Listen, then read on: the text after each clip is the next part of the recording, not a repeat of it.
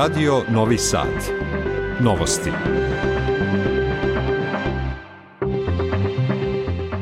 Dobar dan, ja sam Goran Pavlović. Ja sam Nikola Rausavljević. Vesti dana. Dvoje dece stradalo u požaru u Staroj Moravici. Trećeg dana Kopaonik biznis foruma nagoveštena nova poskupljenja gasa. Tek svaka 14. žena vlasnica je poljoprivrednog gazdinstva. Čulo se na tematskom skupu Žene na selu danas i sutra. Štrajkovi širom Francuske zbog reforme penzionog sistema. Sajam knjiga i izložba umetnosti Art Expo od danas na Novosadskom sajmu. U Vojvodini do kraja dana promenljivo oblačno sa mogućom kišom. Sutra slično vreme uz još višu temperaturu, do 18 stepeni. Prema poslednjim merenjima u Novom Sadu je 13 stepeni. Novosti Radio Novog Sada započinjemo crnom hronikom. Dva deteta od jedne i tri godine nastradala su u požaru u kući u Staroj Moravici u opštini Bačka Topola. Dvoje dece je uspelo da izađe iz kuće i da se spasi izveštava Rada Stajić. Pripadnici policijske uprave iz Bačke Topole i sektora za vanredne situacije iz Subotice, kojima su se u 14 sati pridružili i kolege iz Beograda, još uvek vrše uviđaj u porodičnoj kući u ulici Uska broj 6 u Staroj Morevici, kako bi utvrdili šta je uzrok požara koji je izbio jutros oko 8 sati i 20 minuta, a u kome su, uprkos brzo intervenciji vatrogasaca, ugašeni životi dvoje dece uzrasta od jedne i tri godine. Njihova tela su nešto iza podneva odvezena pogrebnim vozilom sa mesta nesreće, na kome je uviđaj obavio i javni tužilac iz Subotice, kao i ekipa forenzičara. Kako nam je potvrđeno iz policijske uprave, kao i na licu mesta, još dvoje dece koja su se u vreme požara nalazila u kući uspela su da se spasu iz vatrene stihije, a još četvoro od ukupno osmoro dece uzrasta od 1 do 13 godina koliko ih ima u ovoj porodici nije bilo u opasnosti jer su bili odsutni od kuće. Roditelji i brojna rodbina nisu bili spremni da govore za Radio Novi Sad o detaljima ovog tragičnog događaja, ali smo posetili Centar za socijalni rad u Bačkoj Topoli i u razgovoru sa direktorkom magistrom Jasminom Zimonjić saznali da će ova institucija, od koje su inače redovno dobijali razne vidove pomoći, pružiti podršku porodici i u organizovanju sahrane nastradalih te saniranju nastale štete izazvane požarom. U mestu Rogača kod Sopota nastradalo je dete staro šest godina nakon što je upalo u septičku jamu. Otac je za to vreme bio u kući, javljaju tamošnji mediji. Hitna pomoć koja je stigla brzo na mesto nesreće samo je mogla da konstatuje smrt deteta. Telo je poslato na obdukciju, a uzrok nesreće biće poznat posle istrage. 12-godišnjeg dečaka BD pretukla su četvorica vršnjaka i nekoliko starijih učenika osnovne škole Rifat Burđović Tršo u Tutinu u četvrtak 2. marta posle nastave u unapred dogovorenoj tuči, saznaje RTS.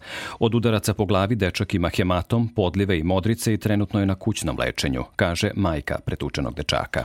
Ona za internet portal RTS-a kaže da njen sin nije hteo da učestvuje u grupnim tučama i takozvanim borbama petlova koje organizuju njegovi vršnjaci i malo starija deca iz drugih razreda osnovne škole Rifat Burđević Trša u Tutinu poslednjih meseci. Dodaje da je napad bio kazna što je odustao od učestvovanja u tuči. Dve osobe povređene su kada je teretni voz između stanica Paraćin i Jagodina naleteo na kamion. Srbija Cargo upozorava da se na putnim prelazima poštuju saobraćeni propisi. Nesreća u kojoj su povređeni vozač i suvozač kamiona dogodila se na putnom prelazu Končarevo, obezbeđenom vertikalnom drumskom signalizacijom između stanica Paraćin i Jagodina, saopštila je kompanija Srbija Cargo. Detalji nesreće se utvrđuju. Specijalni izaslanik Evropske unije za dijalog Beograda i Prištine Miroslav Lajčak boraviće u poseti Beogradu u ponedeljak i utorak 13. i 14. marta, potvrdio je port parol Unije Peter Stano. Lajčak će pre toga u četvrtak i petak razgovarati i sa delegacijom Prištine, a sve u svrhu pripreme Ohridskog sastanka. Iz Brisela izveštava Ivan Ilić. Lajčakova poseta Beogradu i Prištini je nastavak razgovora od ponedeljka i glavna je svrha priprema za novi sastanak, a tema će biti i rezultat prethodne runde, potvrdio je port parol spoljno-političke službe Petar Stano. Miroslav Lajčak će u Prištini biti u četvrtak i petak, a u Beogradu dolazi u ponedeljak i utorak. On će se odvojeno sresti sa predsednikom Vučićem i Aljbinom Kurtijem i njihovim timovima kako bi obezbedili nastavak razgovora i diskutovali o načinima primene sporazuma o putu ka normalizaciji odnosa. Sve će to doprineti pripremama sastanka na najvišem političkom nivou kasnije ovog meseca. Namera i cilj dijaloga kojim posreduje Evropska unija je da se proces normalizacije pokrene unapred i dovede do potpisivanja sveobuhvatnog pravno obavezujućeg sporazuma. Petar Stano ističe da je tako predviđen kraj procesa koji je trenutno u sredini i ponovio da cilj prošlonedeljnog sastanka nije bilo potpisivanje, već samo razgovor o evropskom predlogu koji su obe strane prihvatile. Ono što je dogovoreno je da će nakon svakog sastanka biti nastavak kako bi se proces kontinuirano odvijeo. Strane će se angažovati u diskusijama o implementaciji mape puta. Evropski predlog postavlja određene principe, ali ono što je važno je primena sledeći nivo ili sledeća faza je dolazeći sastanak kako bi se razgovaralo o modalitetima implementacije. Naredni formalni susret Beograda i Prištine zakazan je za 18. martu u Ohridu. Špansko ministarstvo spoljnih poslova saopštilo je da je ishod sastanka Beograda i Prištine održan 27. februara bio korak napred, ali da još treba da se radi na postizanju sporazuma o normalizaciji odnosa, a na osnovu evropskog predloga koji je podržao Evropski savet u februaru. Kako se navodi, iako je pozitivno što su se i Beograd i Priština usaglasili oko teksta predloga bez ikakvih izmena, čvrstog dogovora neće biti bez jasnog plana kako će se on sprovoditi. Slušate novosti prvog programa radija Radio Televizije Vojvodine. Strateški cilj Srbije je ostvarivanje energetske nezavisnosti po najnižoj ceni za građane i za privredu, jer je to ključno za stabilan rast, ali i otpornost celog privrednog sistema. Istaknuto je na panelu održanom u okviru Kopaonik Biznis foruma. Državni zvaničnici poručili su da je uprkos krizi sačuvana energetska bezbednost i uz niske cene energenata, koje ipak neće dugo ostati na sadašnjem nivou, jer je na panelu najavljeno poskupljenje, pripremila Branka Dragović-Savić. Reforma energetskog sektora, novi investicioni projekti i promena svesti u pogledu potrošnje energije ključni su za ostvarivanje energetske nezavisnosti, poručila je ministarka rudarstva i energetike Dubravka Đedović na panelu Energetska bezbednost u globalnoj ekonomskoj krizi, izazovi i preporuke za budućnost. Za ostvarivanje tog cilja neophodno je pod jedan da povećamo kapacitete za proizvodnju električne energije tako da ona bude dovoljna za domaće potrebe, pod dva da povećamo broj ruta i snabdevača energentima, pod tri da sprovedemo zelenu energetsku tranziciju na način da sve vreme sačuvamo stabilnost našeg energetskog sistema i sigurnost snabdevanja. Prioritetno radimo i na reformama energetskog sektora koje su dugo odlagane. Prema rečima ministarke Đedović, osim suočavanja sa globalnim izazovima, ministarstvo posebnu pažnju posvećuje i, kako je kazala, dugogodišnjim problemima u vlastitom dvorištu. Kao što su neblagovremeno investiranje u proizvodnju uglja, nedostatak novih proizvodnih kapaciteta iz obnovljivih izvora energije u našem energetskom sistemu, potreba za unapređenjem energetske infrastrukture, te nedovoljna produktivnost javnih preduzeća, ali i naša kolektivna neefikasnost u potrošnji energije.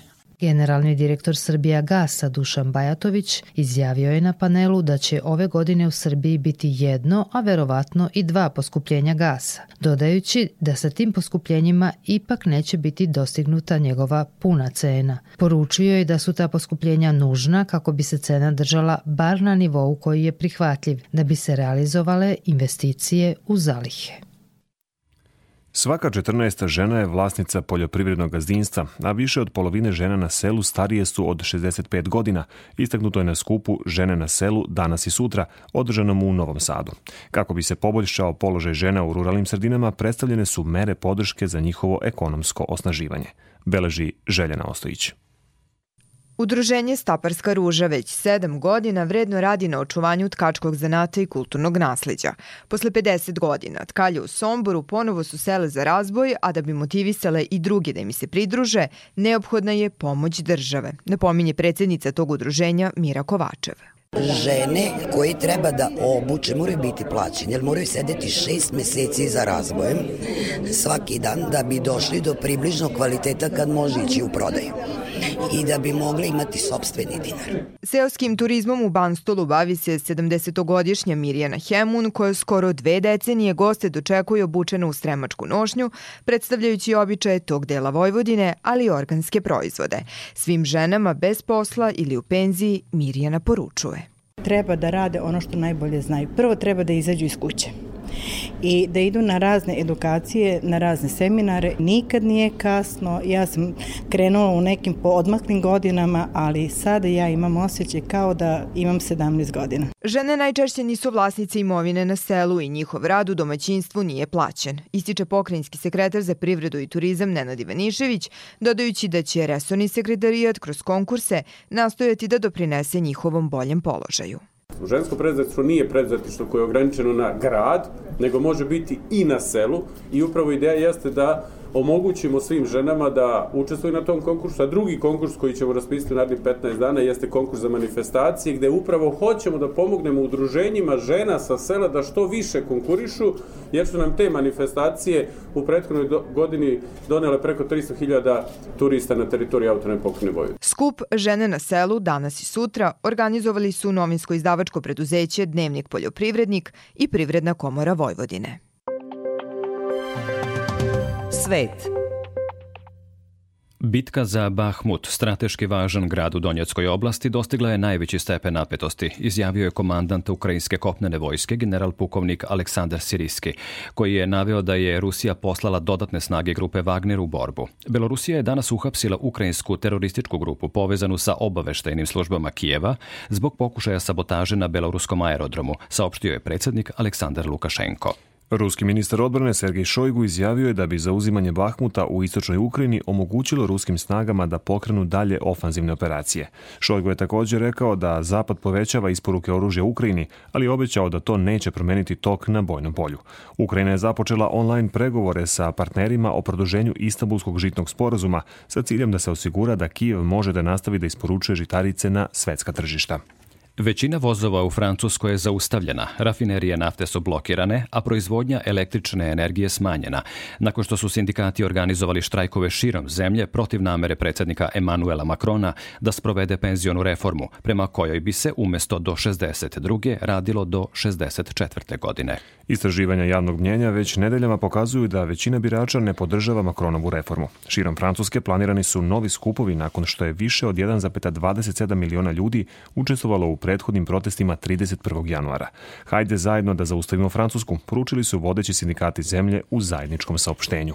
Islamska država preuzela je odgovornost za samoubilački bombaški napad u jugozapadnom Pakistanu u kojem je stradalo devet policajaca, saopštila je SITE, nevladina organizacija koja prati online aktivnosti terorističkih organizacija. Napad se dogodio kada se bombaš samoubica motociklom zabio u policijski kamion u Sibiju, gradu udaljenom oko 160 km istočno od Kvete, glavnog grada provincije Baludžistan. Zvaničici bolnice naveli su da je najmanje sedam policajaca ranjeno u poslednjem u nizu napada usmerenih na policijske službenike u Pakistanu. Program Ujedinjenih nacija za razvoj saopštio je da šteta izazvana razornim zemljotresom u Turskoj premašuje 100 milijardi dolara. Taj preliminarni iznos koristi se kao osnova donatorske konferencije za prikupljanje novca za žrtve zemljotresa u Turskoj i Siriji, koja će biti održana u Briselu 16. marta. Broj poginulih u razornim zemljotresima koji su pogodili jug Turske 6. februara popeo se na 46.104, izjavio predsednik te zemlje Recep Tayyip Erdogan. U nastavku novosti vraćamo se domaćim aktuelnostima.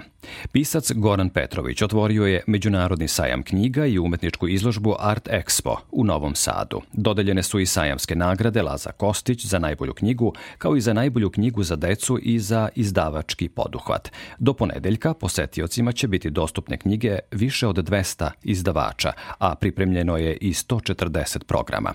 Pojedinosti Tatjana Novčić-Matijević. Počeo je još jedan sajam knjiga u Novom Sadu. Tradicionalno otvorio ga je pisac, ovog puta Goran Petrović. Zašto se češće ne fotografišemo sa novom knjigom pod miškom, već slikamo sebe kako u najnoviji odeći trepćemo? Zato češće ne fotografišemo otvorenu knjigu na stolu, već slikamo ono što ćemo u otvorenom restoranu da jedemo. Zašto češće ne zavirimo u knjigu, ne bismo li znali i gde smo i kuda idemo, već pomoć tražimo u telefonskom navigacionom sistemu. Ako nećeš ove knjige, maši se za neki rečnik čuvarkuću, pa rečima koje sam odabereš zase i svoju knjigu. Možeš dogodine i čitav zasad, novi sad da podigneš. A što se tiče ove godine, Novosadski sajam knjiga je otvoren. Predstavnici svih nivoa administracije istakli su značaj te manifestacije kulture i umetnosti. Podeljene su i nagrade. Laza Kostić za najbolju knjigu pripala je Maji Trifunović za zbirku priča Gutači vatre. Najbolju knjigu za decu napisao je Uroš Petrović, bajke prvih sedam.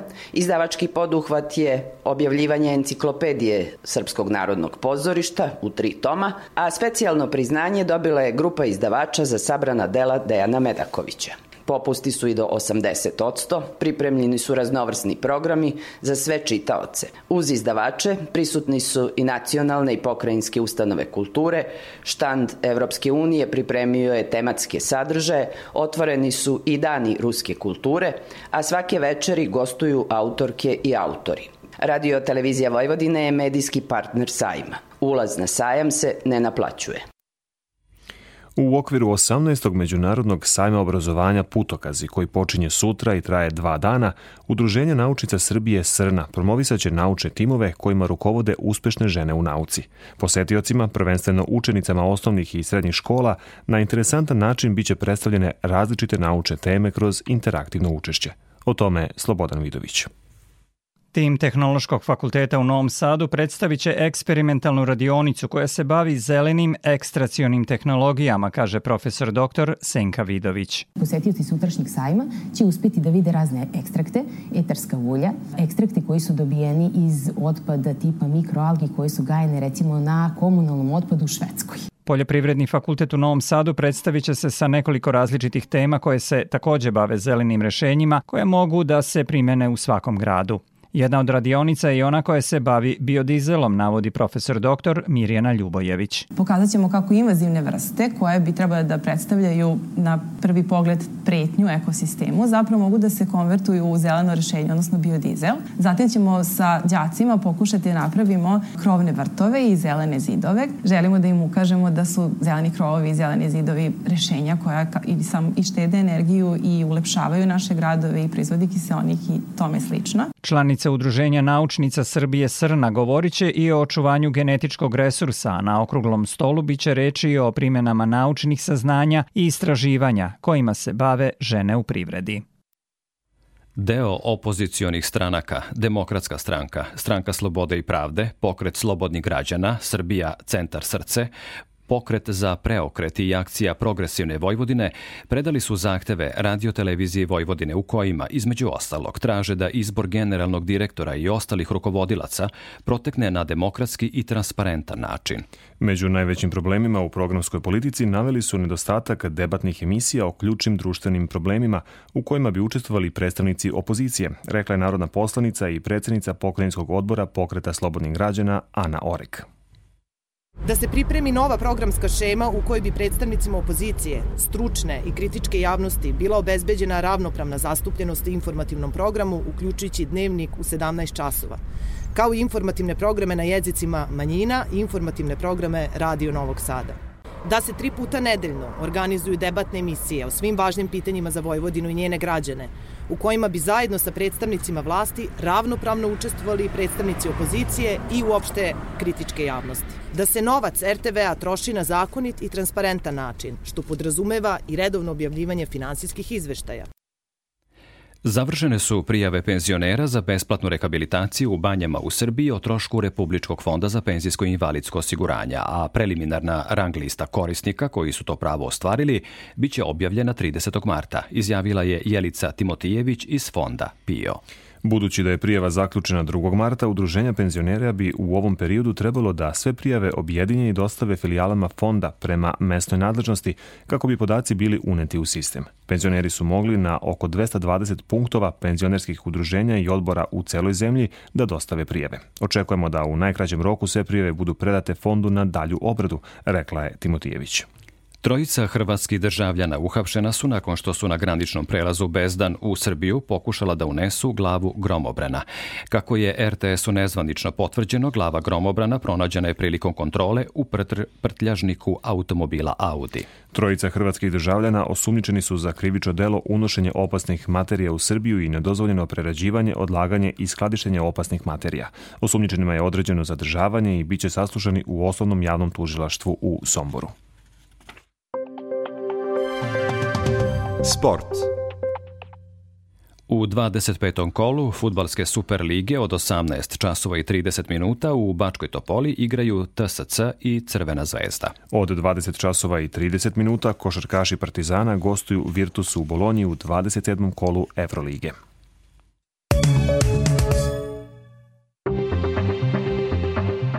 Pred kraj novosti podsjećanje na najvažnije vesti. Dvoje dece stradalo u požaru u Staroj Moravici. U okolini Sopota udavilo se šestogodišnje dete. Trećeg dana Kopaonik biznis foruma nagoveštena nova poskupljenja gasa. Tek svaka 14. žena vlasnica je poljoprivrednog gazdinstva. Čulo se na tematskom skupu Žene na selu danas i sutra. Štrajkovi širom Francuske zbog reforme penzionog sistema sajam knjiga i izložba umetnosti Art Expo od danas na Novosadskom sajmu. Prema poslednjim merenjima u Novom Sadu je 13 stepeni. Da čujemo i opširniju prognozu. U Vojvodini u sredu promenjaju oblačno toplo, ponegde sa kratkodnevnom kišom. Vetar slab i umeren južni i jugozapadni. Najniža temperatura 3 do 6, a najviša od 14 do 18 stepeni.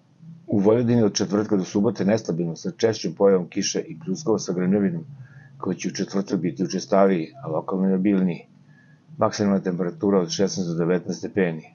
U subotu prolazu zahlađenje sa pojačanim severozapadnim vetrom i kišom. Za Sad, meteorolog Miodrag Stojanović. Slušali ste novosti prvog programa radija Radio Televizije Vojvodine. Sve vesti iz zemlje i sveta možete pronaći na našoj internet stranici rtv.rs, gde ovu emisiju možete slušati odloženo. Novosti tonski realizovala Agnes Ćurčija, producentkinja Branislava Stefanović, pre mikrofonom bili urednik Goran Pavlović i Nikola Rausavljević. Hvala na pažnji.